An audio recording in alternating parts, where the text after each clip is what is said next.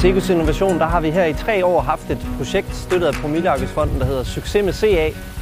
Og øh, i det projekt, der forsøger vi på at øh, lære nogle ting om at dyrke efter øh, principperne bag CA. Så det handler om at øh, sikre dyrkningssikkerheden i de her systemer, øh, ved at lære noget om, hvordan sår vi bedst muligt, hvordan udbringer vi gylde bedst muligt, og hvordan udvikler skadevolderne sig. Øh, og på den måde blive klogere til at sikre sådan gode afgrøder i et øh, CA-system. I dag der har vi øh, samlet en række planteavlskonsulenter, som er specialiseret inden for rådgivning inden for det pløjefrie, og også inviteret øh, landmænd og andre interesserede til at komme og høre om øh, de ting, vi har fundet ud af i projektet øh, Succes med CA.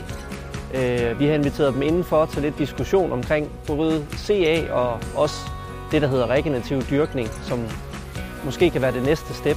Øh, og så har vi været ude i marken og se nogle af de landmænd, som netop ligger i den her grænseflade og på vej over i det mere regenerative, hvad de gør ude i marken øh, for at tage øh, det næste skridt. Og det er jo spændende at, at, at møde nogle folk, der har øh, mod til at øh, gøre de ting, der skal til for at tage næste trin i den her retning. Det er vigtigt, at vi undersøger systemer øh, såsom CA, øh, fordi det kan være nogle af de værktøjer, der skal til at sikre en, øh, en sund jord, som kan give os nogle øh, øh, stærke øh, dyrkningsforhold til nogle sunde afgrøder også i fremtiden.